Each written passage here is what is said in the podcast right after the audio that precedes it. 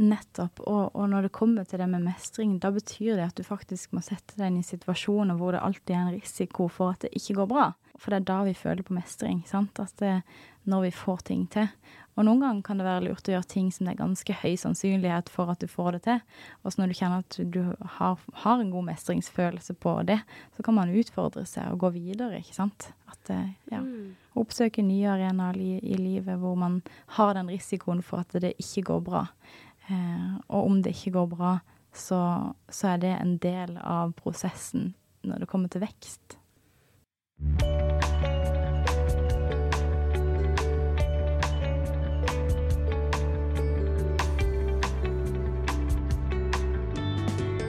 Hjertelig velkommen til podkasten 'Leger om livet'. Jeg heter Anette, og jeg jobber som lege. Jeg har laga denne podkasten fordi jeg ønsker å gjøre nyttig og god kunnskap lett tilgjengelig for alle. Fordi jeg tror at med kunnskap så får vi til veldig mye bra. Og i dag så er jeg så heldig å ha med meg psykologen Maria Abrahamsen. Også kjent som psykologen bak den populære kontoen Syk deg på sosiale medier. Og Maria har et brennende engasjement for å styrke den eh, psykologiske folkehelsa i befolkninga, og jeg gleder meg veldig lenge til å snakke med henne om et tema som jeg er blitt mer og mer fascinert av. Hjertelig velkommen, Maria. Tusen takk, Anette. Har du en fin dag? Ja, veldig. Det er så godt å komme til deg. Så god stemning og fint å være sammen med deg. Så nå har jeg det veldig bra. I like måte. Du har veldig god energi, Maria. Å, takk. Du, jo, du bor jo egentlig på Farsund, mm. men du jobber veldig mye i Oslo, for du har jo så mange spennende prosjekt. Ja. Mm. Hva er det du driver med for tida? Åh, det er mye gøy. det er jo Jeg skriver litt bøker, og så har jeg pasienter eh, gjennom en nettside som heter eSyk. Eh, en ny nettside som jeg har vært med på ja, og fått til å vokse litt nå i det siste. Jeg har kjøpt aksjer der, så det er jo rart. Oi, da har man blitt voksen. Ja, blitt voksen. Eh, så det, ja, det er veldig fint. Eh, og det, ja, det er en nettside som gjør at man kan få terapi over nett. Da. Så vi har flere ansatte psykologer der og, og coacher. Så det, det, er veldig fint. Så det gjør jeg. Og så har jeg liksom en del eh, ting som spennende prosjekter som er litt hemmelige foreløpig, men ja. som jeg har veldig tro på. Jeg gleder meg til å, å begynne å snakke mer om. Mm. Så bra. Mm. Å, jeg gleder meg. Jeg gleder meg. Du får til så mye bra, Maria, og du har så gode intensjoner. og Det er så viktig. I like måte, du. ja, takk, takk. I dag så skal vi jo snakke om et tema som vi begge syns er veldig spennende. Mm. Og som det har begynt å bli snakka mer om. Mm. Men som er et begrep som kanskje ikke er Som ikke alle har snakka om enda, mm. eller kommet fram enda, og det er jo resiliens. Mm. Eller resilience, som de sier på engelsk. Mm. Og først så må jeg bare spørre deg, hva er egentlig resiliens? For jeg har jo nettopp lært meg begrepet. Ja, altså resiliens, det dreier seg egentlig om hvordan du takler motstand i livet. Eh, fordi vi ser jo at det er veldig forskjellig fra menneske til menneske hvis man blir utsatt for en negativ hendelse. Eh, noen håndterer det veldig, veldig greit, på en måte. Og komme seg lett videre og eh, uten å være noe særlig prega av det. Eh, og leve ganske normalt etterpå. En veldig sånn en livskrise, f.eks. Mm. Mens andre eh, tar veldig skade av det eh, og trenger hjelp for å komme seg gjennom det. Eller eh, ja, få livet sitt litt mer ødelagt, på en måte. Så, og det er alltid fra store til små ting. Hvordan du takler liksom de store tingene, men òg de små tingene i hverdagen dreier seg egentlig om ja, motstandsdyktighet mot eh, negative opplevelser. Mm. Mm. Så resiliens er rett og slett motstandsdyktighet. Mm. Det er et annet ord på norsk. Mm. Og dette er jo et stort tema.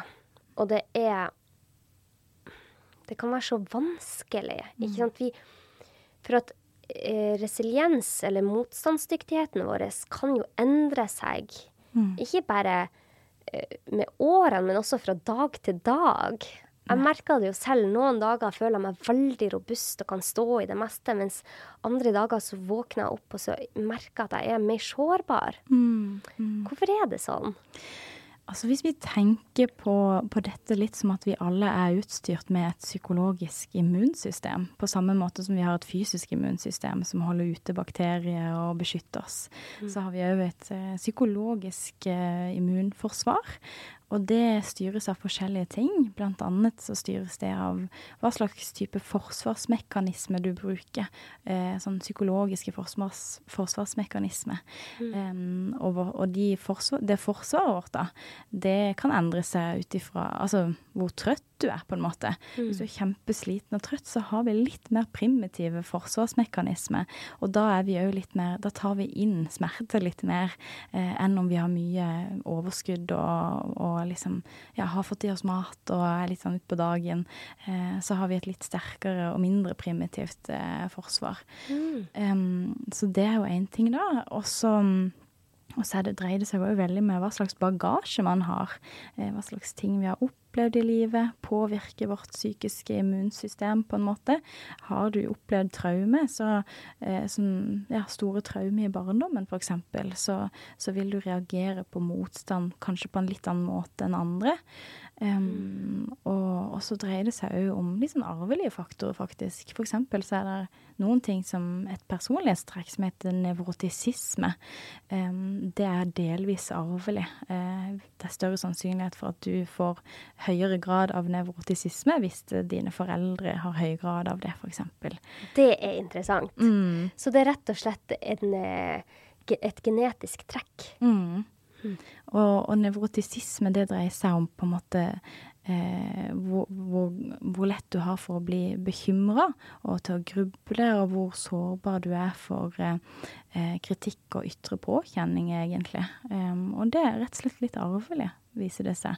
Og, ja, og de som har eh, høy grad av nevrotisisme, har, um, de har oftere sånn typiske eh, da, um, reagerer gjerne med søvnvansker og psykosomatiske reaksjoner på, på, ting som er stressende i omgivelsene. Mm. Mm, så, så, resiliens uh, fanger jo på en måte alle disse tingene her. Uh, altså vårt uh, psykologiske immunforsvar. Hvor, ja, det påvirker hvordan du takler motstand. Og så er det òg ting som er, dreier seg om miljømessige faktorer, som sosial støtte. Da er det jo mye, mye lettere å takle motstand, sant. Mm. Mm. Det syns jeg var så interessant. Psykologisk immunforsvar, var det det du kalte det? Mm. Det var veldig fint. Og så det er både genetisk, men det er jo òg det kommer jo òg ut fra hvordan bagasje du har med fra barndommen, mm. sier du da. Mm. Så hvis man har opplevd f.eks. store traumer, så kan det ha en stor påvirkning på, på din motstandskraft eller motstandsdyktighet. Mm. Eh, men så er det jo òg sånn at man ser at noen har jo vokst opp under forferdelige forhold og liksom klarer seg veldig godt og kjemper på for at det aldri skal skje med sine egne barn, f.eks. Mm. Og så er det en, en annen gruppe igjen som faller i akkurat samme spor som foreldrene. Mm. Er det det genetiske som kommer inn da? Mm. Det er jo det er veldig for, mange forskjellige grunner til at det kan være sånn. Men, men, en av de tingene som man ser at er veldig beskyttende, det er måten man forklarer eh, negative hendelser på. Eh, og da snakker vi om det som heter I psykologien kaller vi det for attribusjonsstil. Mm. Eh, Martin Seligman er en som har forska og skrevet mye om dette. Eh, og det dreier seg om hvordan du forklarer en negativ og en positiv hendelse. Mm. Eh, fordi at hvis du blir utsatt for en negativ hendelse, eh, f.eks. hvis du opplever en skilsmisse. Eh, og hvordan du da håndterer det, om du tenker at eh, dette er bare min feil. Eh, tenker du at dette er noe som alltid vil henge ved meg, sånn at jeg vil aldri komme ut av denne sorgen? eller tenker du at det er en forbigående situasjon, dette er en krise? Så det er liksom måten man tenker om den negative hendelsen på, mm. vil være med på å påvirke hvordan du kommer deg ut av det òg.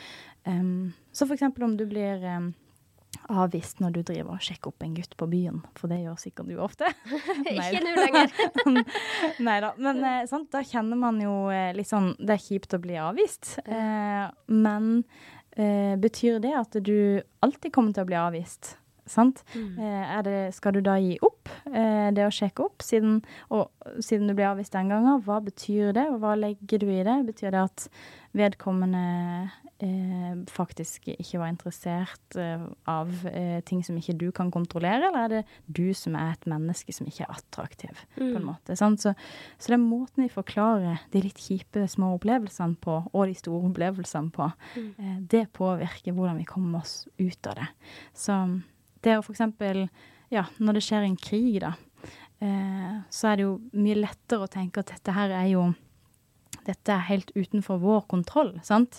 Mm. Dette er jo liksom eh, en, Man kan forklare det med noe som foregår utenfor, som uansett ikke dreier seg om meg. Så det kjipe og vonde som skjer nå, det er, ikke, det er alle her enige om at det, det er ikke min, min kontroll, på en måte. Mm. Eh, og hvis vi kan tenke det om de små tingene i livet òg, eh, som er mm. negative. At det, dette, var ikke, det var, dette er jo ikke noe jeg kan kontrollere. Så, så er det lettere å komme, komme, seg gjennom det på et vis. Mm. Og jeg føler at dette er jo en øvingssak også. Mm. Fordi at jeg husker jo at jeg kunne jo bli mye mer skuffa og mye mer såra og føle at det var noe galt med meg før enn jeg gjør nå. Mm. Jeg har øvd på måten jeg snakker til meg selv på, og måten jeg ikke bare tenker om det, men også sier det høyt. Mm. Mm. Så det er jo det som er så godt å vite, at man kan gjøre noe med det. Mm. Man kan øke sin motstandsdyktighet, og man kan fortelle mm. hjernen sin en annen historie. Mm. Det betyr ikke at man skal lyge for seg selv, for det er jo kjempeviktig at man ikke gjør. Mm. Men at man ikke sier 'Å, vet du hva, han gutten der, han vil ikke være sammen med meg, han vil ikke bli sett med meg for at jeg er så stygg, eller 'Å, jeg er ikke populær nok', mm. eller 'Å, jeg sa så mye dumt'. Mm. Og heller på en måte mate hjernen min sin med at ah, han der var sikkert opptatt fra før, og, eller mm. ah, vi hadde aldri blitt et godt par uansett. Altså, mm. det å endre den der tankemåten. Mm. Men jeg ser jo òg at det er veldig Det, det er påvirka av veldig mange faktorer mm. hvor mye jeg klarer å gjøre med det. Hvis jeg møter på veldig mye motstand i, på en dag eller i uka, så merker jeg at jeg blir trøtt av det. Mm. Og motstandskraften blir svakere på et vis. Mm. Kan ikke du fortelle litt om dette? Ja, altså Det dreier seg jo om um, kanskje noe som heter um, locus of control. Det er et sånt begrep som blir brukt i um, psykologien. Og det dreier seg om i hvor stor grad du føler at du um, har kontroll over situasjonen. Um, så, og den kan jo svekkes litt da, hvis du gang på gang føler at, uh, at det, du ikke får det til. Så mister man litt den der mestringstroa, på en måte. Mm. Um, så vi trenger jo å kjenne mestring òg. Vi trenger faktisk å, å oppsøke situasjoner som, som, vi vet at vi kan få til, og så sette seg sjøl litt sånn små mål eh, som gjør at du kjenner på mestring. Fordi at hvis du kjenner på mestring i en situasjon, så kan den følelsen generaliseres over til andre situasjoner. Og det betyr at um, hvis jeg gjør det veldig bra på, på, jobb en periode, så kan det hende at jeg føler at uh, da kan jeg mestre andre ting òg. F.eks. vennskap og familieliv. At man bærer med seg den følelsen litt, da. Um, mm. Og så er det litt sånn da motsatt. At hvis du kjenner på mye motstand og motgang i jobb, så har vi lett for å, å ta den følelsen med seg inn i andre situasjoner av livet. Nettopp. Og det skal vi komme tilbake til òg, hvordan man skal få snudd det når man møter på veldig mye motstand. For i, i, livet vårt så kommer vi til å ha perioder der det er mye mer motstand enn andre. At det, det, det er mange gale ting som skjer samtidig. Mm. Men eh, det du sier, er Det er Eller det Mener du at det, det, er det genetiske, og så har vi det vi er rusta med fra barndommen, og så har man kanskje Personlighetene våre er jo litt forskjellige, men vi lærer oss er det, er, Har vi mindre resiliens, f.eks i ungdommen enn man har som voksen. For jeg følte meg i hvert fall mye mer sårbar når jeg drev og endra meg. Mm. Har man noe data på det? Det er et godt spørsmål. Um, vi vet jo at uh, i ungdomstida så er jo selvfølelsen vår på det laveste i forhold til liksom i løpet av et helt livsløp. Mm. Uh, og det kan nok påvirke og gjøre sånn at man kanskje eh, ikke oppsøke situasjoner som kunne ha ført til mestring mm. og økt mestringstroa mm. eh, for enkelte. Eh, men så er det noen som da er heldige og går på håndball og, og kjenner mye på mestring likevel og kommer seg gjennom disse tingene. Så, og kanskje noen har masse sosial støtte. Så jeg har ikke sett noe data på når, eh, når man er liksom minst eh, motstandsdyktig i livet. Men, mm. men, jeg skjønner at du tenker på at ungdomstida kan være en sånn periode. Men motstandsdyktigheten vår, er den kobla mot selvfølelsen vår?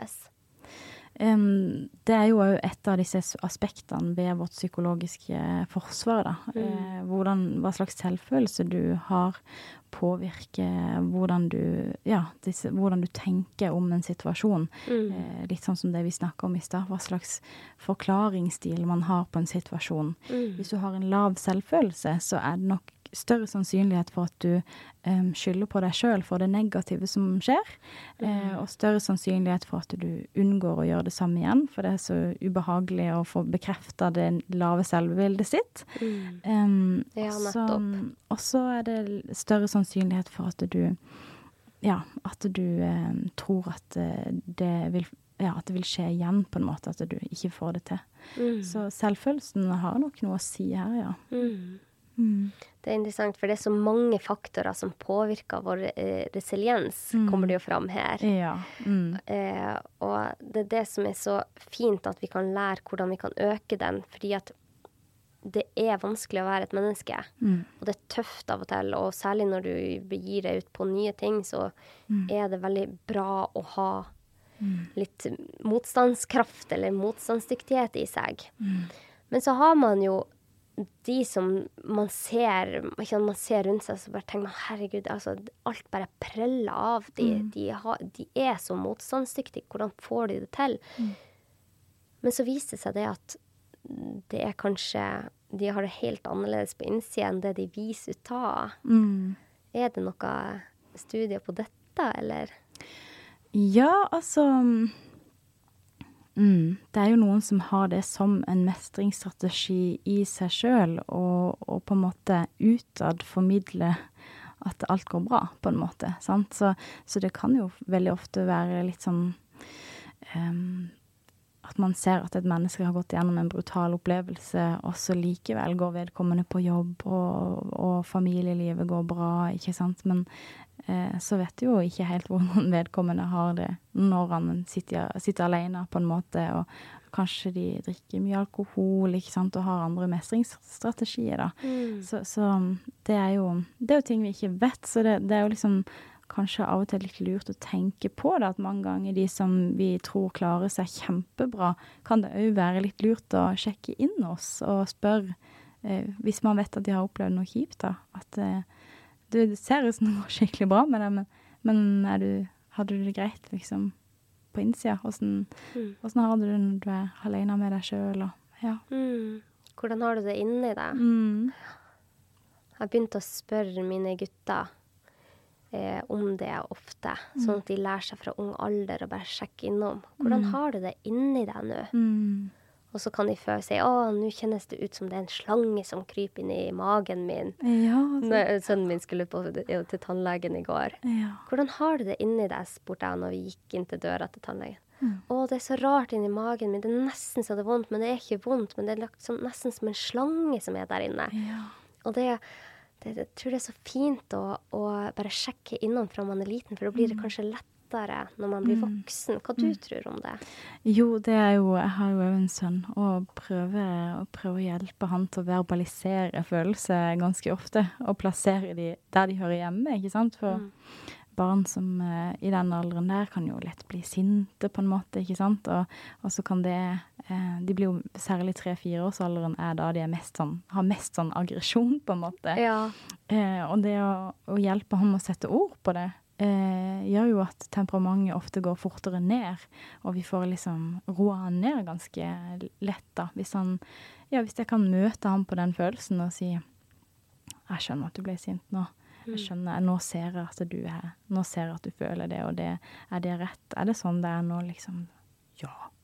Mm. Så, så på en måte blir jo den følelsen sett, og det er jo det følelser gjerne vil, da. Mm. Så det er veldig fint at du òg på en måte da lærer de å, å verbalisere eh, det som foregår. Ja, for det kan være så vanskelig. Mm. Og det er det jeg kanskje tenker at mange som Som eksempelet du sa, ikke sant. De, de utad så ser det ut som alt går så bra. Mm. Og så får man helt sjokk når det viser seg at det har rakna helt, egentlig. Hva, hva som skjedde? Alt fungerte jo så bra. Det så ut som hele livet ditt var bra. Mm. Og så var det ikke det. Mm. Eh, og det å ikke kunne snakke med noen om hvordan man har det, det må være kjempevanskelig. Mm. Hvordan får man sånne personer som stenger alt inne, til å snakke? Sant? Mm, ja, og det, det, det er jo vanskelig, for at den motivasjonen må på en måte komme innenifra. Eh, men det vi kan gjøre, er jo å være bevisst over det, og ikke ta det som en selvfølgelighet når man ser et menneske som får til veldig mye. Eh, så er det ikke alltid vi skal bare tenker at de har, har det bra, selv om det ser sånn ut på utsida. Og, og tenk, vi lever jo i en sånn sosiale medier-verden òg, hvor alt ser for, hos mange veldig flott ut, på en måte. Og, og så vet vi at det er jo ofte ting som, som gjemmer seg under overflaten. Um, og, og da Det er synd at vi lever i en verden nå hvor vi har behov for å bare vise det som er flott, på en måte. Eh, det gjør at vi kanskje tror at eh, det er sånn verden bør være. Mm. Men vi bør jo heller erkjenne at livet er fullt av lidelse.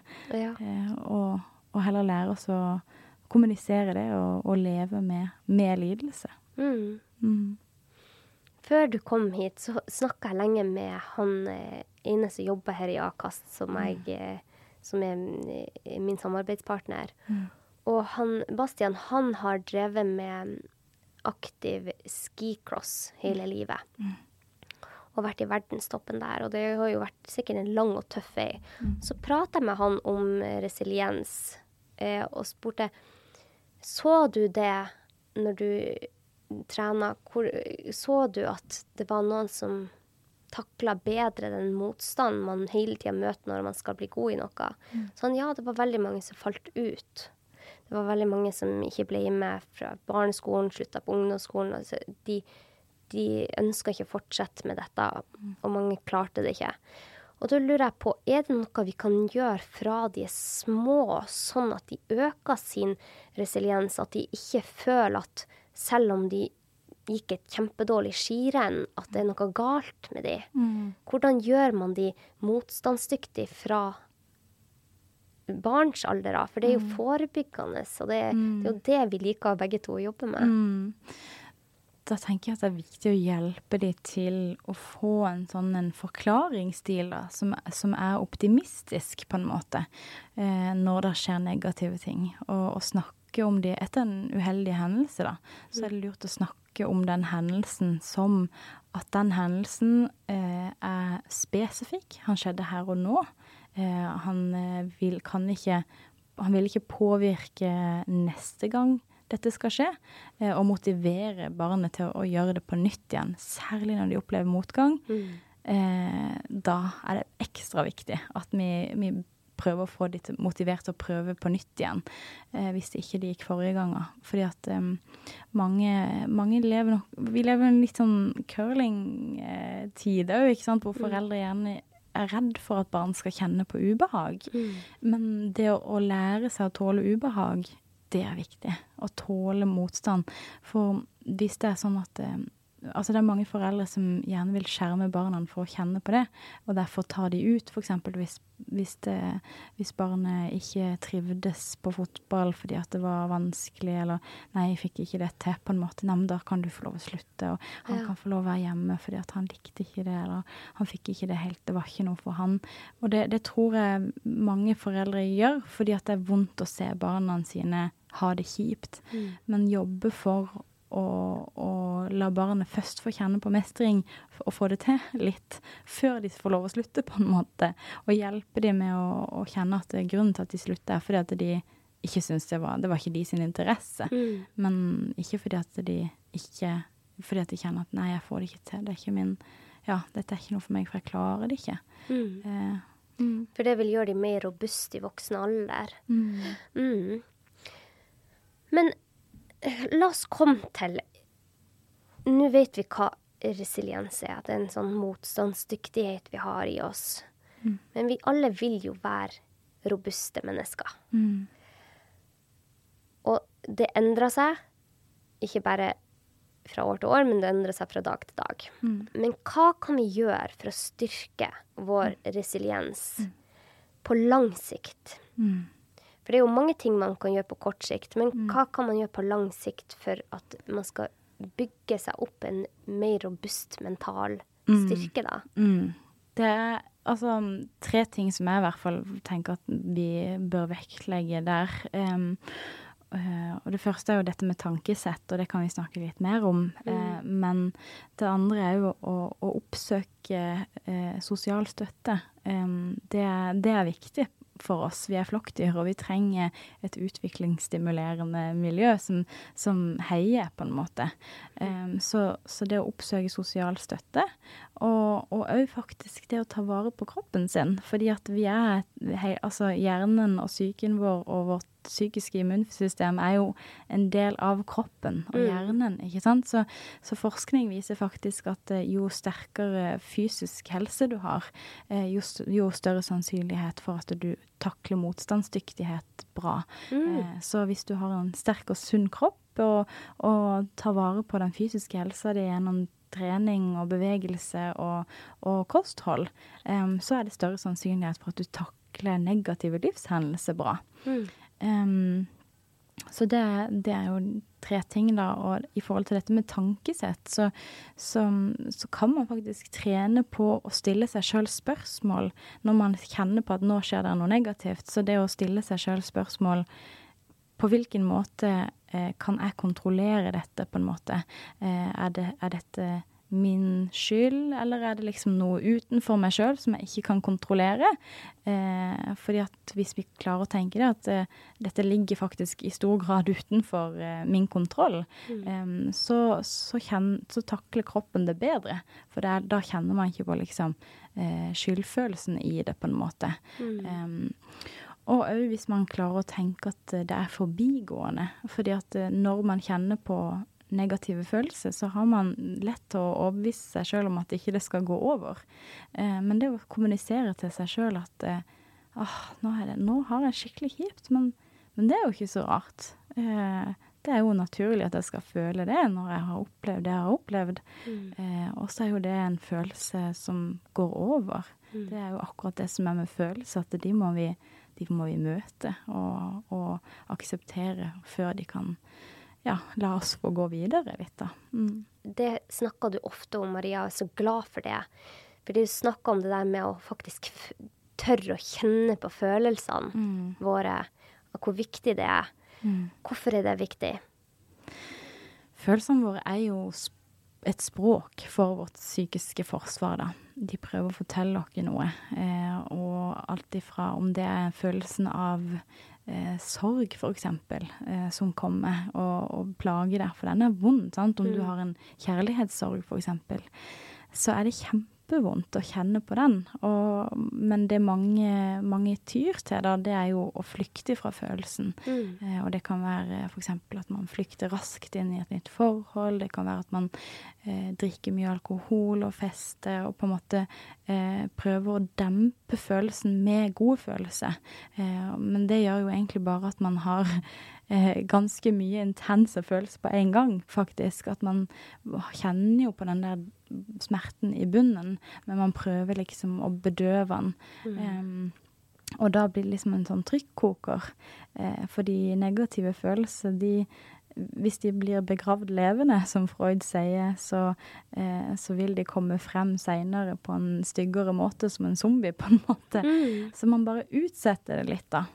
Um, så det er noe som skal eh, kjennes på, rett og slett. Eller eh, hvis du gjør det, iallfall, så gjør du deg sjøl en tjeneste. Sjøl om det er vondt og ubehagelig, så er det bedre å bare gjøre det når det kommer, enn å utsette det. Ja, for vi har kanskje levd i et samfunn der det vi har eh, merka noen følelser som bra, og noen følelser som feil. Mm. Det, er- det er feil at du skal kjenne på sorg eller tristhet eller sinne eller bitterhet eller eh, Prøv å bare tenke på det positive, så ordner alt seg. Og jeg er veldig glad for at det skjer et skifte der, og der er du kjempegod på å, å faktisk dreie den der samtalen, for det, det er en viktig samtale å ta. Men det var en prosess jeg måtte gå gjennom når jeg hadde det veldig dårlig, at det var greit å kjenne at man hadde, har det dårlig. Jeg hadde hele livet gjort alt jeg kunne for å alltid ha det bra. Og hver gang jeg var trist eller sint eller et eller annet, så, så skulle jeg bare tenke positivt. Sant? Så da skulle alt bli bra. Og det fungerer jo ikke i lengden. Og det å merke disse følelsene som de er òg der for en grunn. De er òg helt fint å ha. Det er bra at du kan kjenne på dem. Det, det er en sånn prosess jeg måtte i hvert fall gå gjennom med meg selv. Jeg tenkte oi, ja, det er faktisk greit å sitte og kjenne på at nå har jeg det helt forferdelig. Nettopp. Nå skal jeg kjenne hvor den sitter i kroppen. Det, det, det er så motstridende. Mm, ikke sant? For, er at, for at du hører en annen stemme som sier men slutt å kjenne på det, du skal bare ha det bra. Mm. Men jeg har òg veldig trua på, og det sier, viser jo studier òg, at når man får kjent på det, så tar man og liksom ser etter, og hvor er det det sitter, og hvorfor har du det sånn, så er det lettere å komme seg ut av det. Mm. Yes, og, og jeg tenker der er du inne på noe viktig, fordi at um, poenget med altså der, Jeg tror at den, han er jo feilslått, den der tanken om at det er negative og positive følelser, på en måte at vi skal liksom bare prøve å ha positive følelser. Men, men det, det går faktisk an å tenke positivt om negative følelser, på en Ja, måte. ja. Og, og, og det er litt Det er i hvert fall sånn, sånn jeg praktiserer mitt liv. Da, Ja, at, at eh, å, nå har jeg negative følelser, nå kjenner jeg på sinne. Mm. Eh, og det er jo eh, Hvis jeg bare klarer å være nysgjerrig på det, Mm. eh, hva det dreier seg om, så, er det jo, så, så kommer jo den følelsen med ganske nyttig informasjon. At OK, her er noen grenser jeg burde sette for et eller annet som Ja, for den personen som har Den personen har trådd over mine grenser. Mm. Derfor kjenner jeg på sinne. Og da har jeg et positivt forhold til mine vonde følelser. Eh, fordi at de kommer jo med nyttig informasjon. Og samme med sorg, ikke sant. At det, åh, det er så vondt å kjenne på, liksom. Men samtidig så forteller det meg at jeg har evnen til å eh, sette pris på noe, ikke sant. Og har evnen til å legge masse verdi inn i f.eks. et menneske. Hvis jeg mister et menneske i livet, sant. Så, så å kjenne på sorg, så betyr jo det noe om meg og mine verdier. Eh, og da kan jeg være positiv til den negative følelsen, da. Og møte den med aksept, egentlig. Og der er vi så enige. Men hvor, hvordan Når blir det for mye, ikke sant? Det, for dette handler jo òg om mot, motstandsdyktighet. Det er jo en balanse der. Mm. Når vet man at man skal ha kjent på den? Mm, Der er den. Og, og når skal man tenke OK, nå går jeg videre. Mm. Eller ikke videre for alltid, men nå går jeg videre for denne timen. Mm. Mm, ja, jeg tenker at det er jo på en måte ikke noen sånn tidsramme for Det er så forskjellig fra person til person hvordan man takler det. Men, men på et tidspunkt uansett så er det jo det å, å lære seg å leve med lidelse og ikke imot det, på en måte. Fordi de som gjerne blir litt sånn fanga inn i en sorg, um, har kanskje et negativt forhold til følelsene sine og, og, og klarer ikke helt å ehm, ja, gi slipp på håpet om at det skulle bare ha vært positivt nå. Sant? Ja, nettopp. Eh, så så det, å, det å lære seg da å leve Det er ikke sånn at man går videre alltid um, og har gitt slipp, på en måte. Å gi slipp er jo egentlig ikke å ikke føle eller tenke eller føle den følelsen igjen, men det er jo å ikke bli så veldig urolig hver gang den følelsen kommer, da. Eller bli liksom venn med den følelsen, på en måte. Og tørre å gi den et ansikt. Og OK, er, i dag er en dag hvor jeg kjenner ekstra på den sorgen, men jeg kan fortsatt leve mitt liv, da. Nettopp. Mm. Det, det løser seg på en måte kanskje litt selv når man tør å kjenne på de. Mm. Det er kanskje det jeg har sett mye i min praksis som lege, at de som klarer å kjenne på den, og ofte må man jo ha hjelp til å kjenne på den, at man er i lag med noen man stoler på, eller helsepersonell, men at man finner løsninger ut ifra det. Mm.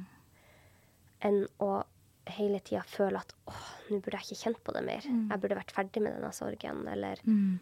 det er pinlig å kjenne på dette. Det er flaut. Det er dumt. Jeg er ikke sterk nok. Mm. Og Det, det, det er ganske vanlige ting, på en måte, og det er vanskelig. Det er ikke sånn at det er en enkel quick fix-løsning på disse tingene. Um, og jeg går sjøl til psykolog og, og har strevd med de samme tingene, på en måte, og, og har et ønske om at åh, kan ikke bare smerten bli ferdig, liksom. Um, og når psykologen min da har toucha inn og trigga den smerten, ikke sant, og så har jeg bare begynt å tenke på hva jeg skal gjøre etterpå for å slippe å kjenne på det. Sant? Skal jeg, da har jeg lyst til å gå og jobbe eller gjøre et eller annet så jeg slipper å kjenne. Men da har jeg måttet blitt påminnet om at nå skal du bare være litt i det, Mm. liksom. Du skal bare si, kanskje du bare skal sitte og, og kjenne litt på det nå.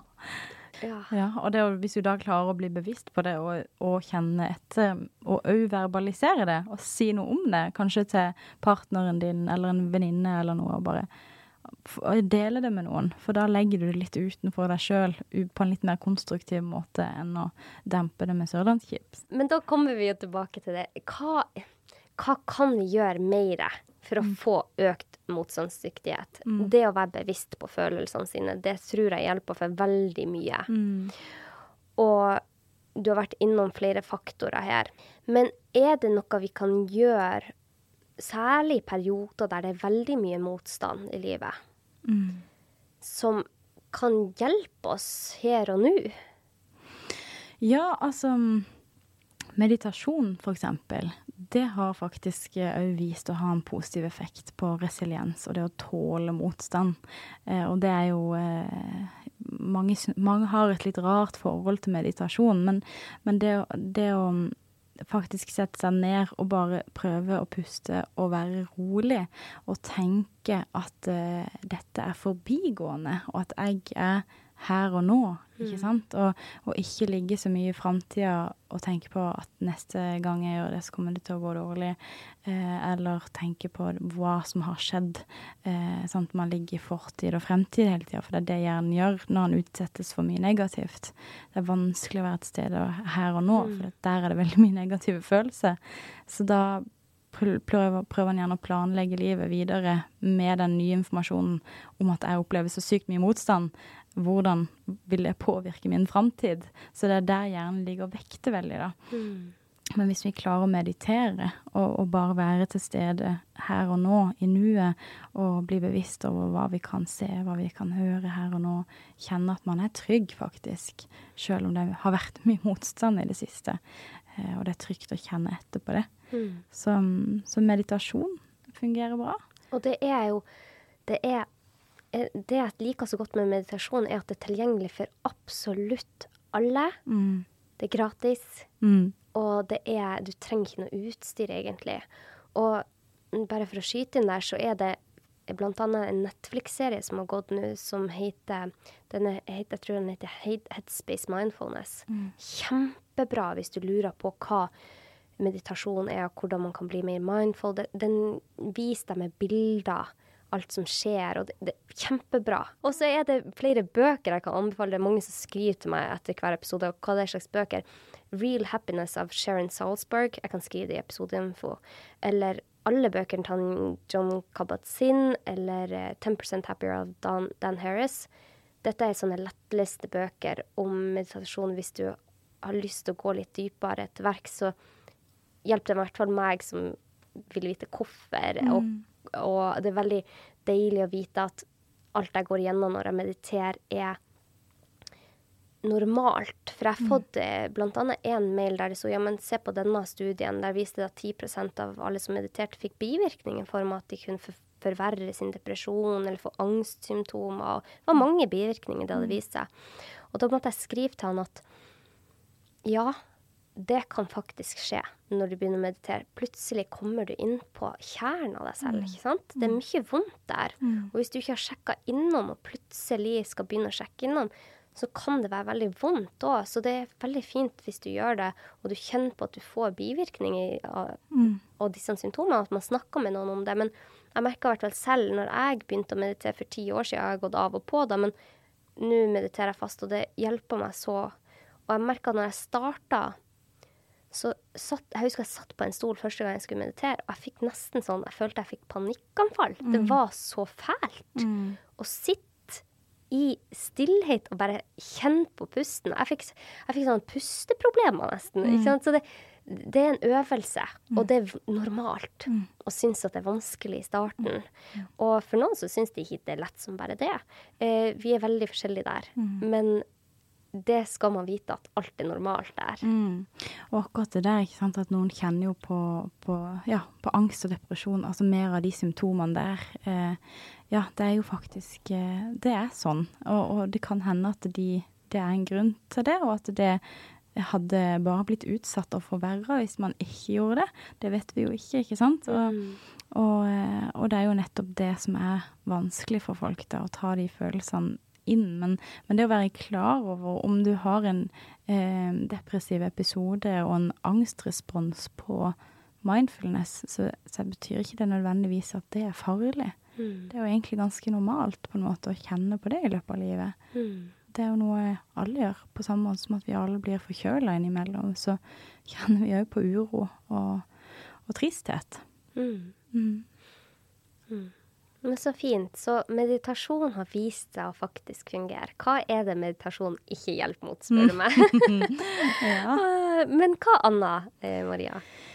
Ja, altså eh, Vi snakker jo om både dette med bevegelse, eh, å få næring til hjernen i form av kosthold og sosial støtte, og så òg dette med tankesett. em, Stille seg sjøl spørsmål når man opplever en negativ hendelse. em, på hvilken måte Hva har dette å si om meg, på en måte? Har dette egentlig noe, å altså, har dette noe å si om meg, på en måte? Eller ikke? Eh, kan det hende at dette bare er tilfeldig? Eh, og være litt sånn nysgjerrig på å dytte eh, dette til Og bare liksom låse den situasjonen inne, da. At dette, dette var én spesifikk hendelse. Um, og øve seg på å tenke det, da. At den trenger ikke å si noe om meg. Det at jeg ikke klarte det. Det, det, er ikke, altså det, det er mange grunner til at jeg ikke klarte det i dag. Eh, det betyr ikke at jeg ikke kommer til å klare det igjen, på en måte. Så det å gå aktivt inn for å legge merke til hva man tenker om seg sjøl eh, når man opplever noe negativt, eh, og øve på å isolere en hendelse, da. Og isolere den til at den, den skjedde, det skjedde. Eh, og det kan være mange grunner til det. Det trenger ikke å si noe om meg og mine evner, og hva jeg kan få til neste gang. Mm. Det er jo sånn at alt henger sammen, og du sier så mange faktorer her òg, men det med tankesettet, det er så Jeg syns det er veldig deilig å vite at det er noe man kan øve seg på. Mm. At man kan bli bedre på det. Mm. Og det er jo som, ja, det er som styrketrening, på en måte. Man må faktisk bestemme seg for det, og gå aktivt inn for å øve og øve og øve. Og så er det kjempevanskelig i starten, men etter hvert så blir det ganske lett å løfte de vektene. Og så kan du kanskje til og med ta noen tyngre vekter. Sant? Så, Mm. så det blir det, det er faktisk noe vi må øve på. Ja, og så mm, jeg som har blitt mer bevisst på det her, jeg merker jo òg at min motstandsdyktighet f.eks. Mm. kan bli veldig påvirka av f.eks. hvordan jeg sover den natta, eller Og det er mange kvinner som hører på denne podkasten, og jeg tenker at vi skal bare snakke bitte litt om det, og det er rett før man får mensen. Mm. Altså, det er veldig mange som merker, og for alle dere menn som hører på og har dame i livene deres, ikke ta opp det mest vanskelige dagen før de skal få menstruasjon. For at jeg merker selv i hvert fall at jeg blir mer sårbar. Jeg blir eh, Ja, jeg, jeg føler meg litt skjørere. Mm. Eh, og det er jo veldig fascinerende. Og så kan jeg ha andre perioder der jeg føler meg skikkelig robust. Men det, det slår nesten ikke feil. Dagene før jeg skal eh, få menstruasjon, så kjenner jeg meg mer sårbar. Mm. Og eh, vi blir påvirka av kjemien som skjer i kroppen, det hormonelle. Og det er helt vanlig. Mm. Så når man blir mer bevisst på hvor man ligger an i sykehus eller hva som har skjedd rundt deg, så kan man òg lettere være tilgivende mot seg selv. Mm. OK, ja, jeg har sovet to netter veldig dårlig, eller ja, jeg får mensen, eller ting som man kan i hvert fall tenke over at eh, Det gjør i hvert fall mye for min egen del at jeg føler meg mer tilgivende mot meg selv. Mm. At eh, jeg vet at det er mange faktorer rundt òg som påvirker det. Mm. At dette vil òg gå over. Ja. Ja, det er veldig bra. Og ikke skylde på seg sjøl, på en måte, Mm. til enhver tid. Og òg liksom gi seg sjøl litt slekt de dagene man føler det sånn. Og hvis du vet at du har so- sovet veldig lite i to dager, og det er dagen før du har mensen, så er det kanskje ikke den dagen du skal prøve noe nytt. Altså som du er, har veldig behov for å mestre. Nei, sant? nei. Da kan du kanskje sant? ta det rett rundt eggløsning, for eksempel. da har man gjerne mye mer energi og spirit. Ja, Og det er faktisk ikke Ja, det er jo bevist at rundt eggløsning, det er da man bør liksom ta de der store, viktige møtene med sjefen og ja. Og det, jeg driver og prøver å lete etter en gynekolog eller noen som har forska på akkurat det, for det der er så utrolig spennende. Og det er òg veldig bra for menn som lytter på, for at Ja. de blir jo òg påvirka av hu- humøret til søstera si eller kona si eller mora si. Ja. Det, det, det er viktig å vite om det her. ja. Men, eh, men hva gjør du selv, Maria, for Mm. din egen resiliens?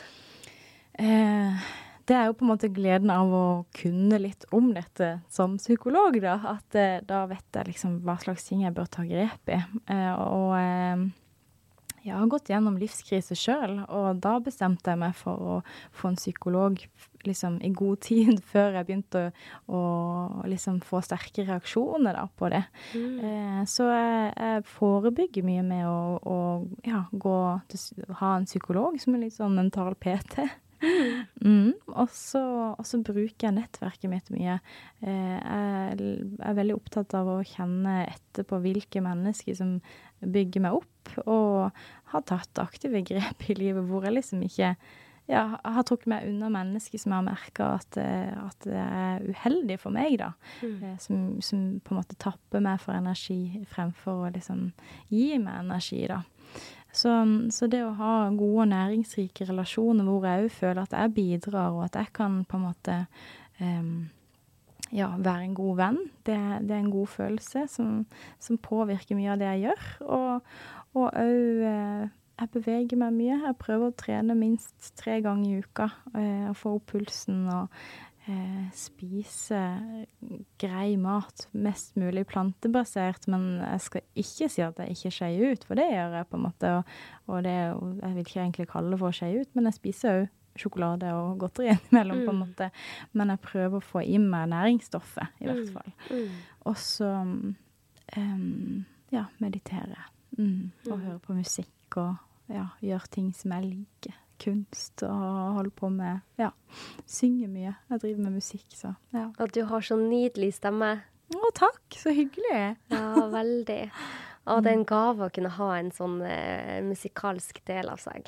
Jeg føler den er veldig Det er en god venn i livet når ting er vanskelig. Det er jo det på en måte Det å, det å uttrykke seg gjennom kunst og musikk og um, Det tror jeg er veldig fint for, for mange, fordi da får man verbalisert følelser, eller man fikk u, får gitt uttrykk for det, samtidig som man gjør noe som man kjenner at det er mestring, gir deg mestringsfølelse og er givende, da. Mm. Mm. Jeg tror mange kjenner seg igjen i det. Mm. Og man må finne sin måte å ja, få den der mestringsfølelsen som du snakka om. Og, ja, det var det jeg syntes var så fint, og det du sa, om at man skal prøve å gå til eh, Møte steder der du kan føle mestring. Mm. For én ting er å bli mer robust sånn mentalt, men også sette deg selv i situasjoner der du kan kjenne på mestringa. Mm. Som du gjør når du synger, f.eks. Eller som min bror gjør når han spiller sjakk. Mm. Eh, det er Vi har alle arenaer der vi kjenner på mestringa, og oppsøke de områdene er jo kjempeviktig. Nettopp. Og, og når det kommer til det med mestring, da betyr det at du faktisk må sette deg inn i situasjoner hvor det alltid er en risiko for at det ikke går bra. For det er da vi føler på mestring. sant? At det, når vi får ting til. Og noen ganger kan det være lurt å gjøre ting som det er ganske høy sannsynlighet for at du får det til. Og så når du kjenner at du har, har en god mestringsfølelse på det, så kan man utfordre seg og gå videre, ikke sant. At eh, ja. Oppsøke nye arenaer i, i livet hvor man har den risikoen for at det ikke går bra. Eh, og om det ikke går bra, så, så er det en del av prosessen når det kommer til vekst. Veldig glad for at eh, du hadde tid, eh, Maria, til å bli med i denne episoden og snakke om dette temaet. Jeg tror mange kommer til å kjenne seg igjen i det her. For vi alle har jo ikke bare en fysisk helse, men òg en mental helse. Og det å kunne ja, vite hva dette er, dette nye begrepet resiliens, som jeg er veldig glad for at det er blitt mer fokus på, det er jo Nei, det er jeg veldig glad for at vi snakker høyere og oftere om det. Og hvor kan mine følgere finne deg? De kan finne meg på, særlig på Instagram, men òg TikTok og Facebook. Eh, og der heter jeg Maria Abrahamsen Østhassel, eller um, at sykt deg, altså sykt deg med PS. Mm, mm. Bra. Mm. Tusen hjertelig takk for at du tok deg tid, Maria. Takk for at jeg fikk komme, Anette. Og hvis dere har noen spørsmål eller tilbakemeldinger, så finner dere meg på doktor Anette Dragland, eller kom og søk oss og legger om livet. Og med det så takker vi for oss i dag. Og ja, og hvis du føler at denne episoden eh, hadde vært fin for noen andre å høre, så del den. Ha en kjempefin dag. Ha det godt.